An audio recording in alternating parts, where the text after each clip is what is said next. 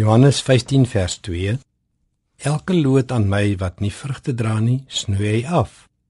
Maar elkeen wat vrugte dra, snoei hy reg sodat dit nog meer vrugte kan dra. Daar is twee baie belangrike woorde in die teks. Die een is afsny en die ander een is regsny. sien, daar is 'n groot verskil tussen afsny en regsny. Afsny beteken om nie meer deel van die wingerdstok te wees nie. Wat met sulke lote gebeur, word heel eenvoudig in die teks gesê. Hulle word in die vuur gegooi om te verbrand. daarmee hoef ons ons nie te lank besig te hou nie, behalwe om te sê dit is skrikwekkend. As jy dit nou hoor, moet jy dringend en ernstig daaraan aandag gee. Wat ons wel goed moet oordink, is die woord regsnoei. Almal wat 'n wingerdstok ken, sal weet voordat die nuwe seisoen begin, word die druiwestokke gesnoei. Die lote wat bly, word kort teruggesnoei na die stok toe. Hulle moet vrugte dra. Dit bring ons by die teks.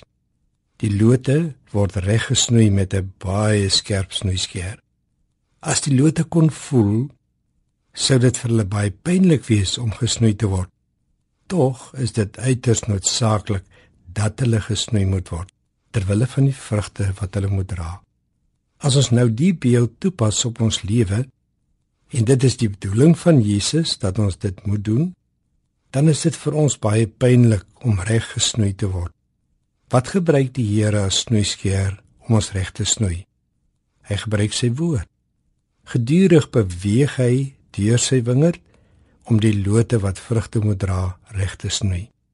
Natuurlik is dit nie altyd maklik nie en ook nie altyd lekker nie om jou bloot te stel aan die woord nie.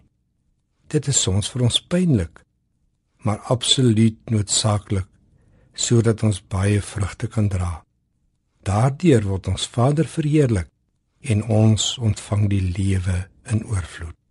Here baie dankie dat U eh, vir ons die lote wat vrugte moet dra dat U voortdurend met ons besig is om ons reg te snoei sodat ons meer vrugte kan dra. Amen.